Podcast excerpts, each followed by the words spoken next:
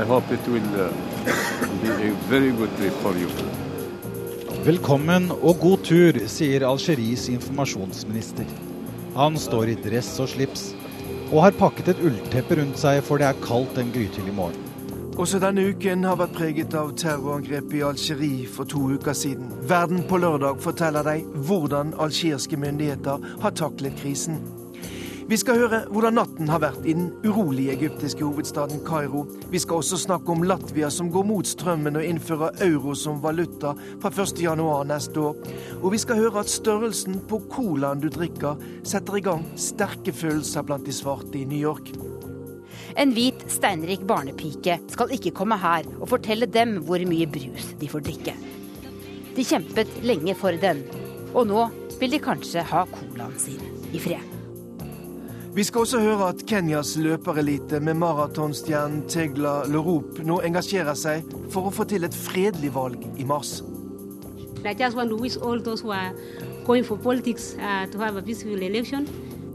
Og i dagens korrespondentbrev fra Jon Gelius skal det først og fremst handle om korrespondentfamiliens nye hund, Sally.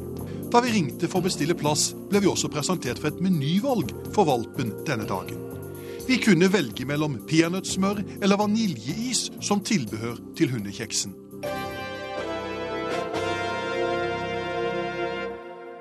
Ja, velkommen til én time med nyheter og reportasjer fra hele verden. Her i studio i dag sitter Morten Jentoft. Aller først i sendingen skal vi til München i Tyskland, der ledere fra hele verden i dag er samlet til den årlige sikkerhetspolitiske konferansen. Situasjonen i det borgerkrigsherjede Syria er et hovedtema. FN og Den arabiske ligas spesialutsending Lakhdar Brahimi er på konferansen. Og det er også du, utenriksminister Espen Barth Eide. Du møtte Brahimi i dag tidlig. I går så var det rykter om at det for første gang kunne være mulig å samle representanter både fra USA, Russland og den syriske opposisjonen under møtet i München. Hva vet du om dette? Det jeg kan si er at uh, alle de aktørene er her. Altså, Joe Biden er her og en rekke ledende amerikanere. Uh, Sergej Lavrov, den russiske utenriksministeren, er her. Uh, Al-Khatib, som leder det syriske nasjonalkoalisjonen, er her. Og Lakhdar Brahimi er her, og han hadde et frokostmøte med i dag. Men jeg er ikke kjent med at det er et møte med alle disse som sådan. Men det er i hvert fall slik at dette er et stort tema på, på konferansen, og, og de sentrale aktørene er til stede.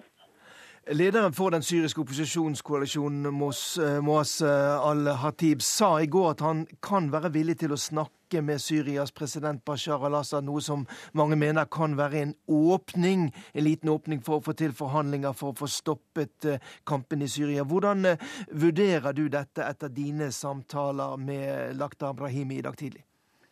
Jo, Han var opptatt av dette og viste til at i hvert fall rent retorisk så har jo også regimet og Bashar al-Assad sagt at han er villig til å snakke. Om det er reelt, det gjenstår jo å se. Uh, og jeg tror det er viktig å, å igjen slå fast at uh, utfallet av en slik prosess neppe kan være noe annet enn at Assad må gå. Men det er klart at skal man unngå ytterligere blodsutgytelser, så må det være en eller annen form for dialog for en overgang til noe annet. Og Brahimi var naturligvis veldig opptatt av det. Men han var nesten like opptatt av hva som skal skje etterpå, dersom det blir en, et opphør i den, den, konflikten som nå er mellom Assad og eh, opposisjonen. Hvordan hindrer man at det bare glir over i en ny borgerkrig? For han var veldig tydelig på at eh, opposisjonen fortsatt er dypt splittet, og det er mange forskjellige grupper og aktører som, som befinner seg også innenfor det vi grovt sett kaller opposisjonen. Dette møtet som, som, du er på i München, det er jo en anledning til å snakke med ledere fra mange, mange land. og det har vært, du, du var snakk om at du også skulle møte den japanske viseutenriksministeren. og Da er det vel terrorangrepet i Algerie der ti japanere og fem nordmenn som døde, som er tema? Det er helt riktig. Jeg skal faktisk møte han nå rett etter denne samtalen med, med NRK.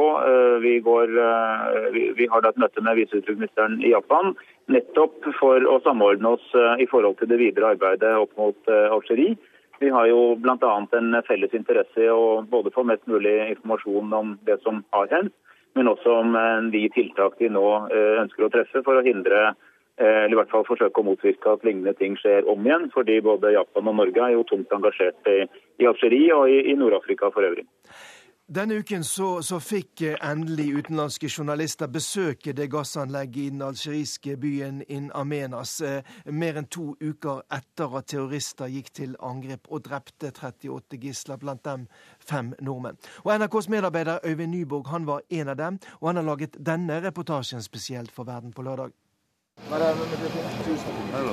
My name is Mr. Nyborg. I come from the Norwegian Broadcasting Corporation. Yes, you are welcome. Thank you. I have a good trip. I hope it will uh, be a very good trip for you. Velkommen og god tur, sier Algeries informasjonsminister. Han står i dress og slips og har pakket et ullteppe rundt seg, for det er kaldt en grytidlig morgen. Vi er over 100 journalister fra mange land på vei inn i en buss og ut til flyet som skal ta oss til Statoils anlegg i Inamenas. Verdenspressen vil ha svar. Yun Ueda er fotograf for en japansk avis. Ti japanere døde i Inamenas, og han vil vite hva som skjedde. Mange Japanese people want to know what happened in the plant. Angrepet i Namenas har på nytt satt søkelys på landet som har vært herjet av borgerkrig i mange år. Det er et lukket og autoritært land. Politifolk overalt som står ved kontrollposter med automatvåpen og bombesøkere. Byen i en skråning med Middelhavet har et vakkert sentrum. De gamle franske praktbyggene fra kolonitiden er nyoppusset i hvit kalk. Men Alger har mange ganger vært utsatt for terror, og myndighetene slår hardt ned på all motstand og opprør.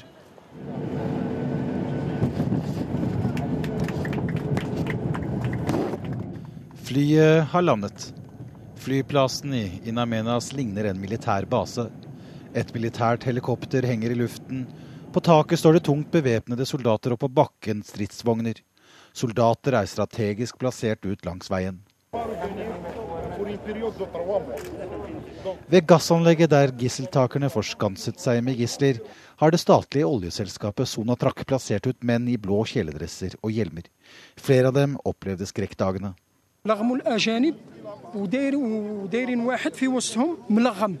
De satte bombebelter på utlendingene, som måtte sette seg ned i en ring. Inni ringen plasserte de en terrorist, som også hadde bombebelter, slik at hvis de forsøkte å rømme, så ville bombene gå av. Hamid Mohammed stusset over terroristenes atferd.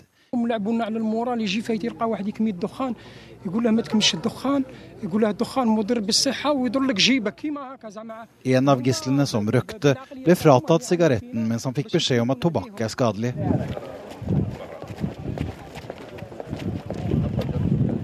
Bussene med alle journalistene stopper ved et av de største gassanleggene. Vi flokker oss rundt anleggssjef Banoda Lotfi. Yes, Thursday the night we see of a big fire here, and it was explosion of their car.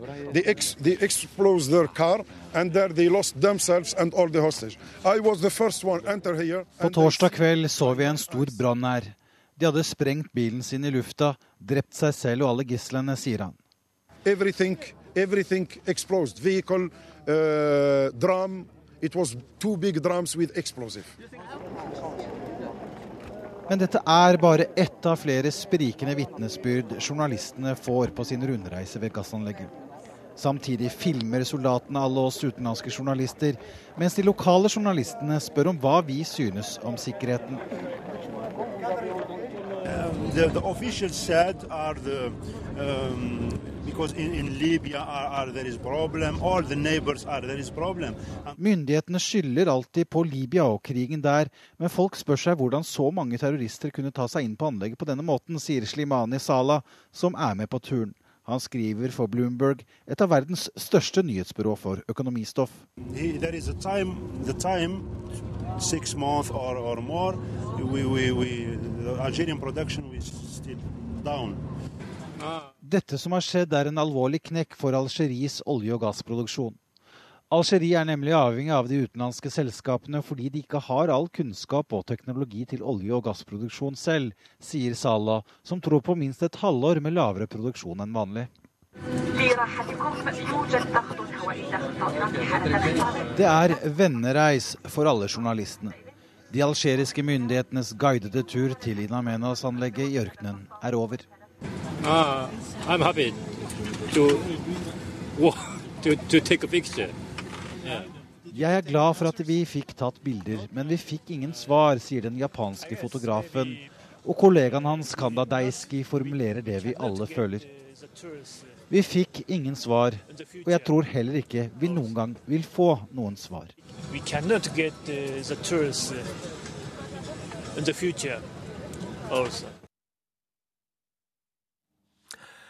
Så til Egypt, der minst én person i natt ble drept i nye uroligheter i hovedstaden Kairo, og der vi igjen har sett bilder av politi som banker opp demonstranter på en svært brutal måte. Og eh, korrespondent Sigurd Falkenberg Mikkelsen i Kairo, hvordan er situasjonen i den egyptiske hovedstaden nå i formiddag? Det er eh, spent her. Eh, bare for å ta et eksempel. Utenfor kontoret mitt så står det en fire-fem pansrede busser stappfulle med eh, opprørspoliti. Så folk regner med at urolighetene vil fortsette. Det har gått en uke nå med gateopptøyer. Og de verste skjedde jo i natt, og de holdt på å slåss utenfor presidentpalasset helt til klokken fem i dag morges. Og det har også vært da meget brutale bilder som har blitt sendt på fjernsyn her. Det som har opprørt mest, er jo da politiet som eh, kler av og banker opp en eh, middelaldrende mann. Hvordan er situasjonen eh, ellers i Egypt? Du var jo for et par dager siden i havnebyen Port Said borte ved Suezkanalen. Ja, Der er det også meget spent og uh, veldig stor frustrasjon. Uh, det er jo en by som jeg oppfattet nesten som i, uh, i, i krig. det var stridsvogner overalt. politistasjonene minnet om utposter i okkupert territorium.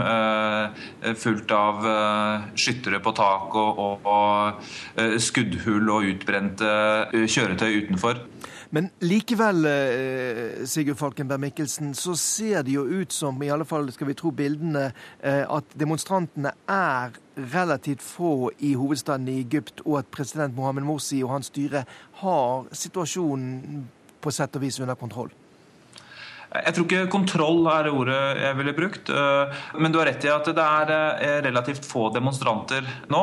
Det det virker på meg som Morsi prøver på, eh, er å vente ut demonstrasjonene. Altså, han har ikke noen strategi, han vil ikke gi etter på noe vis. Han bare håper at de skal slite seg ut, og at han vil tjene på å spille skal vi si, stabilitetskortet, og at folk flest skal bli mer frustrert med demonstrantene enn med han. Men den politiske situasjonen situasjonen. Der tilbyr han fortsatt ingen eh, løsning. Det er det samme som han har drevet med siden han kom til makten, nemlig å ikke eh, oppføre seg som en president for hele Egypt, eh, men som en leder mer av det muslimske brorskapet. Og det gjør at særlig da demonstrantene som var med å styrte Mubarak, nå føler seg forrådt. Og det er med på å bidra til denne voldssyklusen vi er inne i til deg, eh, Sigurd Falkenberg Mikkelsen. Du følger situasjonen i Egypt videre gjennom helgen. Latvia innfører etter alt å dømme euro som valuta fra 1.1.2014. Parlamentet i dette midterste av de tre baltiske land vedtok med knapt flertall eh, å si ja til euro på torsdag denne uken. Og EUs eh, e budsjettkomité har allerede antydet at de vil si ja til søknaden om euromedlemskap når den formelt kommer til våren. Мы, инфляция, мы даже есть страна ну, одной из низших инфляций сейчас. Vi oppfyller i dag kriteriene som stilles for å bli medlem av eurosonen, sier Janis Reirs, mannen som leder finans- og budsjettkomiteen i det latviske parlamentet, og som torsdag denne uken sørget for at loven om innføring av euro ble vedtatt i parlamentet med 52 mot 40 stemmer. Inflasjonen er lav. Vi hadde i fjor en vekst i økonomien på mellom 5 og 6% sier Janis Reirs, travelt opptatt mellom møter i den latviske hovedstaden Riga. Mange snakker om det latviske økonomiske under. Landet ble svært hardt rammet av krisen fra 2008, og i løpet av to år falt økonomien med en fjerdedel, samtidig som også hver fjerde latvier var uten jobb. Særlig offentlig ansatte måtte med kraftige lønnssenkninger betale prisen for en overopphetet økonomi, særlig innenfor bolig og eiendom. Men ifølge Janis Reis fra regjeringspartiet Jonas Likes, eller Ny Tid, så har hestekuren nå båret frukter. Решение в Евросоюзе гуманитарные мы исполняем, а принимать vi oppfyller nå alle de bestemmelsene som EUs finansovervåkingsorgan har stilt, sier Reis, og mener derfor at Latvia i løpet av våren formelt kommer til å bli invitert til å bli euroland. Ifølge den latviske regjeringen er landet nå i siste fase av sin krisehåndtering, og den ønsker formelt å avslutte denne ved å gå med i eurosamarbeidet 1.1.2014. Fra EUs side har det allerede kommet positive signaler om at Latvia vil bli godtatt som det 18. eurosonelandet. I 2011 tok nabolandet Estland i bruk euro som valuta, og sammen med Finland vil disse landene utgjøre en sterk egen eurosone i Østersjøområdet, på grensen til det store Russland i øst. Men er ikke Janis Reirs og latviske myndigheter redd for å gå med i et valutasamarbeid som de siste årene har opplevd et voldsomt press, bl.a. fra skakkjørte økonomier som den greske og spanske? Нет, если мы сравниваем Что было два года назад, сейчас это, конечно, нет. Nei, vi er ikke redd for dette nå, sier Janis Reirs, leder for budsjett- og finanskomiteen i det latviske parlamentet. Situasjonen var verre for to år siden, og vi vet alle at dette ikke handler om problemer for selve eurosamarbeidet, men for enkelte økonomier, som den greske. En stor utfordring for Reirs og andre eurovennlige latviske politikere blir å overbevise befolkningen om at dette er en riktig avgjørelse.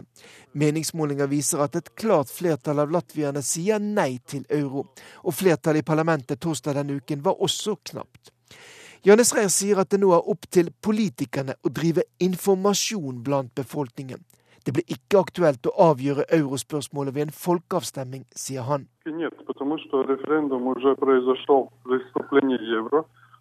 Nei, det kommer vi ikke til å gjøre, sier Janis Rees kontant. Det spørsmålet ble avgjort da Latvia sa ja til å gå med i EU. Da sa vi også ja til et monetært samarbeid som også på sikt innebar innføring av en felles valuta.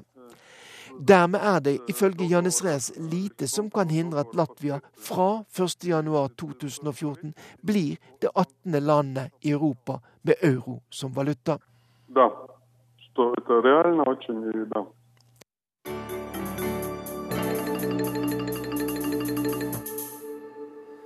Så til Afrika i verden på lørdag. Med verdensrekordholder Patrick Macao i spissen oppfordrer nå Kenyas fremste maratonløpere landets politikere til å holde fred under valget på president og parlament i begynnelsen av mars. Og for å understreke budskapet arrangerer de en spesiell halvmaraton for fred og miljø i Nairobi. Lars Sigurd Sunnano har sendt oss denne reportasjen fra den kenyanske hovedstaden.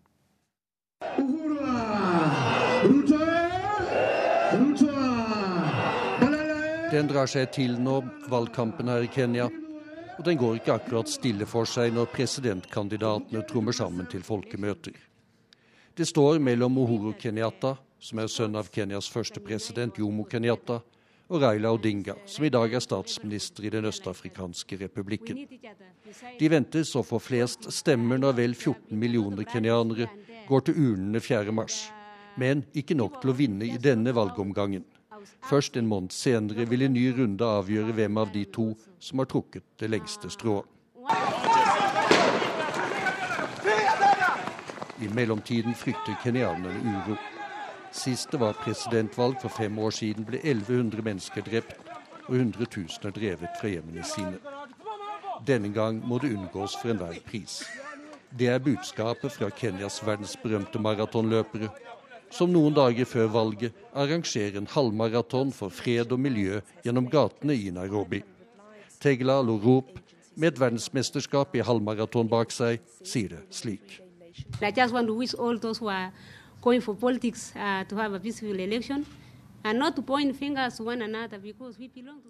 Jeg bare ønsker at politikerne får til et fredelig valg, og at de ikke retter pekefingrene mot hverandre, sier hun. Vi må stå sammen i hjemmet og landet vårt. For hva skjer om du retter pekefingeren mot din bror, og han vinner? Vil du da våge å møte ham ansikt til ansikt? Kenyas maratonløpere er folkehelter. De har hanket inn bøttevis med verdensmesterskap og olympiske gullmedaljer. De har vunnet de fleste av de store maratonarrangementene i USA og Europa år etter år.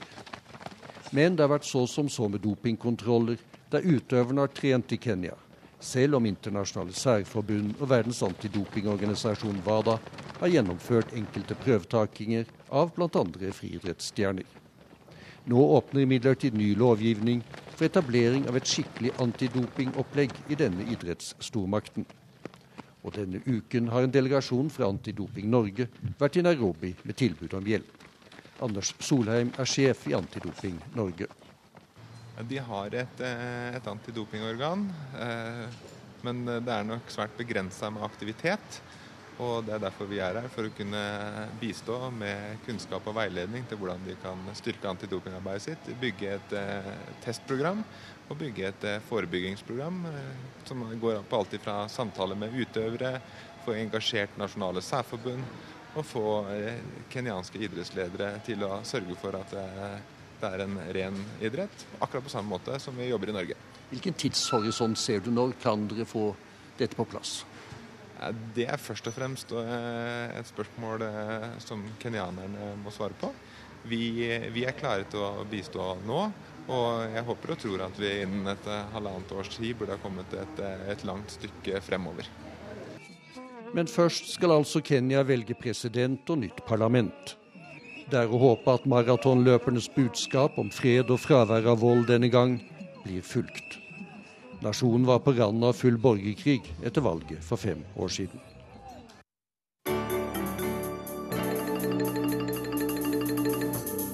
Klokken nærmer seg 11.32, og du lytter til Verden på lørdag. Den neste halvtimen skal vi bl.a. innom Puerto Rico, der mange ønsker at øyen skal bli USAs 51. stat. Og du skal få vite hva bulgarsk chalkapop er for noe. Det handler om seks hylbleika hår, gangstere og penger.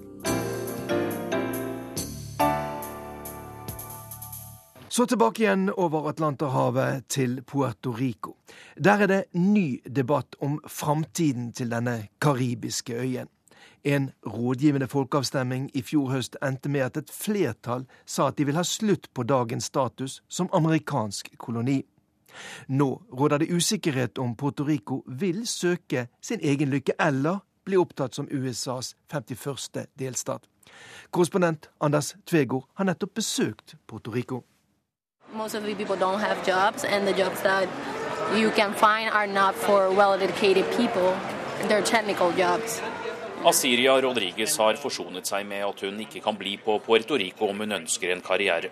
Universitetet har ikke noe å tilby en 22-åring som vil bygge på statsvitenskapen. Here, um, the university doesn't have the offer for me. So, so, so where, where do you go?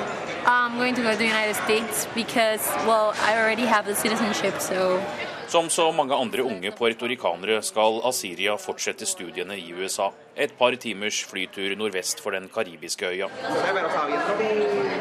NRK møter Asiria Rodriguez rett før lunsj. Det er 28 grader. Det amerikanske og puertorikanske flagget soler seg side om side ved universitetets hovedbygg.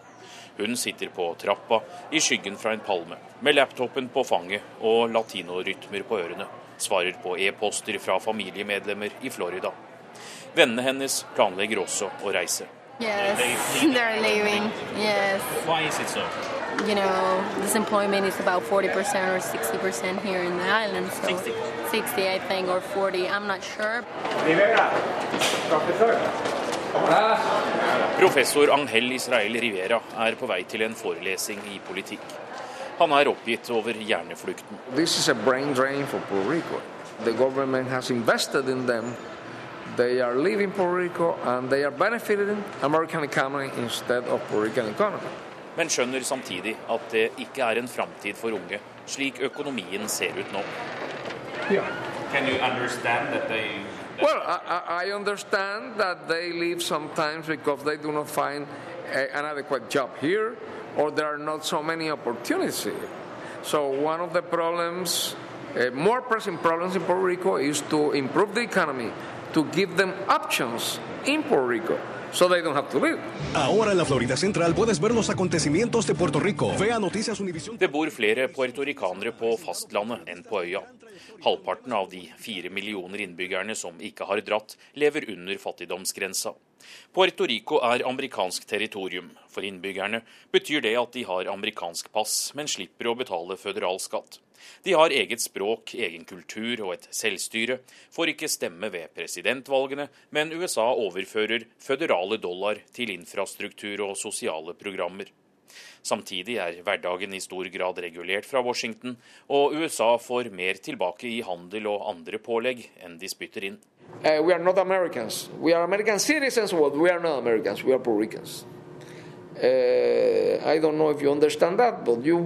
Professor Angel Israel Rivera sammenligner Puerto Ricos status med den Grønland har under Danmark.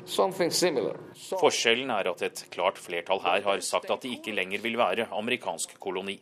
November 6th, the U.S. territory of Puerto Rico will hold a plebiscite on the island's political future. Samtidig som amerikanerne valgte president i fjor høst, arrangerte puertorikanerne for fjerde gang en uforpliktende folkeavstemning om øyas politiske status. The status of Puerto Rico should be decided by the residents of Puerto Rico. For å tekkes latinosvelgerne på fastlandet, mange av dem er puertorikanere, lovte president Barack Obama i valgkampen å lytte til Puerto Rico. Det hvite hus oppfordret før jul Kongressen til å følge opp. I dag ser ikke republikanerne fordeler med å gi senatorer og kongressmedlemmer til det som kan bli USAs fattigste delstat. Heller ikke gi stemmerett til fire millioner nye latinos, som tradisjonelt heller mot demokratene. Men samtidig er Puerto Ricos beliggenhet i Karibia strategisk og økonomisk viktig for USA. Og Washington er, om ikke annet, moralsk forpliktet til å komme med et svar på folkeavstemningen. We now know that the majority Puerto Ricans are not legitimizing or do not want to continue arrangement that we made in 1952, which is the Commonwealth status, territorial Commonwealth status. Still, Puerto Ricans are not decided on what they want. Professor Rivera mener den politiske framtida også fra puertorikansk side er høyst uklar, fordi det eneste folket er enige om, er at de ikke vil ha dagens system. Det er ikke et klart flertall for noen av alternativene. Beholde dagens status, bli opptatt som delstat eller kjempe for løsrivelse. They maintain themselves in the middle of the road because they fear independence and. Rivera sier at mange er engstelige fordi Puerto Rico til nå har vært avhengig av økonomisk hjelp fra USA. Øya har utviklet en liten økonomi på egen hånd, som romproduksjon, turisme og industri, men to tredeler av økonomien kommer fortsatt fra utenlandske investeringer eller som overføringer fra USA. Many people do not vote for independence or for a sovereign status Puerto Rico klarer ikke stå på egne bein nå, sier Rivera. Han viser ikke bare til negativ økonomi og høy arbeidsledighet, men også de sosiale utfordringene med økende voldsbruk, korrupsjon og narkotikasmugling som skjer her. Dessuten er det interne maktkamper og en selvstendighetsbevegelse som ideologisk strekker seg fra marxisme til sosialdemokrater. De fikk 5% oppslutning under folkeavstemningen i fjor høst, mens delstatstilhengerne fikk 45% oppslutning blant dem som valgte å møte opp. It's an important question for everybody here in Puerto Rico. I personally don't think statehood is the choice. Studenten Asiria Rodriguez tror ikke det å bli amerikansk delstat er rett for Puerto Rico, eller løser noen problemer. Men hun mener det haster med å få avklart den politiske statusen. Hvis ikke klarer ikke Puerto Rico hanskes med andre viktige spørsmål, som kriminalitet, jobbskaping, utvikling, helse og utdanning, mener 22-åringen, som snart flytter til USA.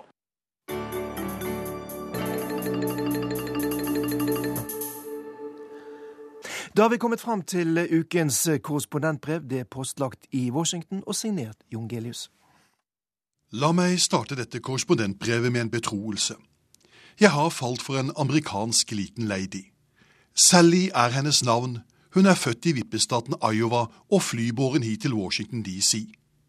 Den unge damen sjarmerer alle hun møter, og jeg er blitt kjent med en haug med nye amerikanere takket være henne.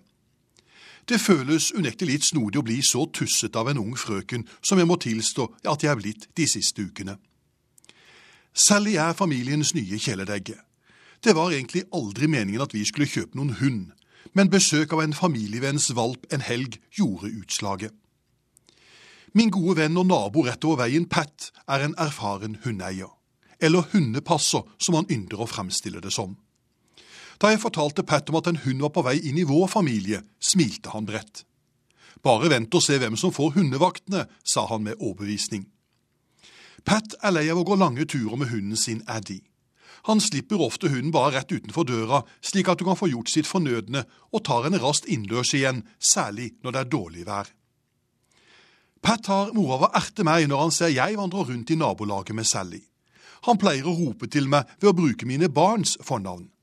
Så ler han hjertelig og sier unnskyld at han trodde det var barna som var ute og luftet hunden. Han taler av erfaring. Tenåringsdatteren hans har jeg knapt sett med hunden i bånd. Det er Pat eller kona som tar lufteturene nå etter åtte år som hundeeiere. Her i USA lever det flere enn 78 millioner hunder. Hver femte hund er omplassert gjennom dyrevernorganisasjoner. Hundehold er butikk for mange her i USA. Det er ikke måte på tilbud for firbente og deres eiere. Fra egne hundefrisørsalonger til egne hundebarnehager. Denne uken lot vi Sally prøve Doggy Day Camp, en dagsleir for hunder med lekeaktiviteter og sosial opptrening. Da vi ringte for å bestille plass, ble vi også presentert for et menyvalg for valpen denne dagen. Vi kunne velge mellom peanøttsmør eller vaniljeis som tilbehør til hundekjeksen. Litt spente avleverte vi hunden vår. Det var nesten som en slags følelse av første barnehagedag. Noen timer senere hentet vi en glad og fornøyd hund. En egen liten skriftlig dagsrapport fulgte med. Der kunne vi lese at Sally hadde hatt en fabelaktig tid, og at hun har blitt venn med Maggie, Titus og Juno i løpet av dagen. Hun hadde ikke savnet oss i det hele tatt, men vært den eneste lykkelig camper, ifølge rapporten. Jeg måtte smile da jeg i samme rapport også fant at Sally hadde vært for oppglødd til å hvile denne dagen. Min nabo Pat føler han har grei kustus på sin hund Addy. Han nærmest fnøs av meg da jeg lurte på om han hadde gått noen hundekurs noen gang. Kurs, gjentok han med sterk røst og ristet på hodet. Min kone ivret veldig for at Sally burde på valpekurs. Hun øynet kanskje et håp om å dressere både to- og firbente i samme slengen. Og kurs har det blitt, med to andre valper og deres eiere. I løpet av noen uker lærte hundene både å sitte, ligge og komme på kommando. Hver gang de adlød, vanket det godbiter. Instruktøren Jordan mente det var veldig viktig med belønning i form av små kjeks. Vår Sally var ikke vant til så mange godsaker på en gang, så i bilen hjem etter første samling gulpet hun opp det meste. Etter åtte uker var det tid for eksamen, eller graduation, som det heter så fint her borte. Sally måtte vise for ferske hundeeiere hva hun hadde lært, og ble belønnet med diplom. Kursinstruktøren hadde anskaffet egen sort studenterhatt for anledningen, slik at alle valpene kunne fotograferes med samme hodeplagg som amerikanske studenter pleier. Sally er blitt en berikelse for familien, og har ført til at bekjentskapskretsen vår er blitt utvidet i takt med lufteturene. Ikke før nå er jeg blitt bevisst på at det bor en liten skokk av hunder i nabolaget av alle raser, fasonger og aldre. Innenfor en radius på 50 meter av huset vi leier, bor det sju hunder. Ikke alle er like mye ute. For når det blir minusgrader, er det ikke mange naboer å se utendørs. Været har i sannhet vært skiftende og ustabilt den siste tiden. I forrige uke haglet det inn alertmeldinger på mobiltelefonen min. Varslene handlet om å være føre var, men føltes en smule snodige siden det som utløste alarmhysteriet, var en bitte liten smak av vinter. På fem dager fikk jeg tolv alertmeldinger på mobiltelefonen og ditto tilsendt på e-post. Det startet med en rådgivende melding om at det kunne bli vintervær i nabolaget fra midnatt til ni om morgenen dagen etter. Meldingen konkluderte med at å kjøre bil kunne bli farlig. Klokken fem på fem på morgenkvisten tikket en ny alertmelding inn. Alle skoler ville åpne to timer senere fordi det hadde falt to centimeter snø i løpet av natten, og man fryktet vanskelige kjøreforhold i morgenrushet. Dagen etter en ny melding om at skolene denne dagen ville stenge to og en halv time tidligere enn normalt, pga. det som ble beskrevet som akutte værforhold. Vi forberedte oss på nytt på store nedbørsmengder, men det kom så vidt noen fjoner i ny og ne. En tidlig morgenstund noen dager senere tikket enda en melding inn om at skoleoppstarten også denne dagen var utsatt i to timer. Årsaken var regn og nullpunkt på gradestokken. Man fryktet glatte veier og tok ikke sjansen på å slippe de gule skolebussene ut før ferdselsårene var tilstrekkelig saltet. Man tar det naturlig nok på alvor når lokalmyndighetene varsler uvær. Men de siste ukene har jeg måttet smile litt for meg selv over værhysteriet. Noen få centimeter med snø eller litt underkjølt regn har skapt mer oppstuss enn en nordmann kan fatte. Og det i supermakten USAs hovedstad. Skjønt denne gang har også flere amerikanere undret seg mer enn det jeg tidligere har registrert. Lokale TV-stasjoner viste reportasjer med foreldre som kom ilende til skolene for å hente sine barn siden skolehverdagen brått ble amputert. Flere mødre ga oppgitt uttrykk for at de ikke helt kunne skjønne at det var nødvendig å stenge skolen så raskt pga. fattige én inch med snø, eller 2,54 cm snø. Direktøren for skoleetaten hadde ikke annet svar enn at de var pålagt å ta alle forholdsregler til enhver tid. Svaret hennes minnet meg om eventyret der det ropes ulv, ulv i tide og utide. Kaldt har det også vært her den siste tiden, skjønt ikke så kaldt som hjemme i Norge, men kaldt nok til at amerikanere her i Washington har klaget fælt over kuldegradene. Rekorden hjemme hos oss var forleden minus 12,3 grader. Og det er faktisk det kaldeste vi har opplevd så lenge vi har bodd her i utkanten av amerikanernes hovedstad. Men så, denne uken, svingte det brått mot vår for en stakket stund. Vi opplevde faktisk opp mot 20 varmegrader de siste dagene av vintermåneden januar. Korrespondenttilværelsen er blitt annerledes etter at Sally kom inn i mitt liv. Valpen kom i hus samtidig som jeg rapporterte hjem om naturødeleggelsene etter orkanen Sandy. Og jeg må erkjenne at jeg faktisk i et radioopptak kom i skade for å omtale orkanen som Sally og ikke Sandy. En våken programleder avverget at det opptaket kom på lufta. Som nybakt hundeeier har jeg også fått innsyn i en hundeverden jeg knapt ante eksisterte. Forleden hentet jeg Sally fra det som skulle være en kort visitt hos hundefrisøren for å få stusset håret rundt øynene hennes og klippet neglene hennes. Jeg ante uro da jeg leverte valpen og spurte om jeg kunne få sitte i resepsjonen og vente. Damen bak disken kikket på meg med et forundret blikk. Det tar tid, altså, sa hun, og lekset opp at Sally både vil bli badet og stelt med etter alle kunstens regler, i tillegg til klippingen. Vi ringer deg når hun er klar, var den vennlige, men bestemte beskjeden jeg fikk. Og da jeg hentet frøkna, to og en halv time senere, var det en overlykkelig valp som møtte meg med rosa minisløyfer i nakken. Hun duftet som et lite parfymeri, og pelsen var silkemyk. Det var nesten så jeg ikke våget å ta henne ut på en ny luftetur av frykt for å skitne henne til med det samme. Min gode nabo Pat har neppe vært hos hundefrisøren. En tidlig søndagsmorgen åpnet han døren da han så meg i hagen med Sally. Før han fikk stilt sitt sedvanlige spørsmål om hvem som gikk tur med hunden, ropte jeg over at jeg tok en Pat. Tok en Pat? Gjentok Pat og ble i stuss. Ja, jeg har sluppet ut bikkja i hagen og skal straks kalle henne inn igjen, smilte jeg. Pat ble helt stille, og jeg ble veldig usikker på om jeg hadde fornærmet ham. Sekundene som gikk, føltes uutholdelige, før Pat brøt ut i latter. You got me. Der tok du meg, bjeffet han fornøyd. Og det var altså den eh, ferske hundeeier og korrespondent Jon Gelius som hadde skrevet og fortalte dette korrespondentbrevet. Det kan du høre igjen i reprisen av Verden på lørdag, som blir sendt på P2 eh, klokken 16.40. Da blir det også et gjenhør med noen av reportasjene fra denne sendingen. Og eh, Verden på lørdag det kan du også laste ned som podkast. Da tar vi med at det nå i formiddag kommer inn meldinger om at Frankrikes president Francois Hollande har landet i byen Timbuktu i Mali, en av byene som franske tropper nå har frigjort fra eh, de militante Al Qaida-tilknyttede eh, terroristene, gruppene i, i, Mali. Denne Verden på lørdagssendingen er slutteknisk ansvarlig Lisbeth Sellereite, skript Lars Christian Rød, og her i studio sitter Morten Jentoft.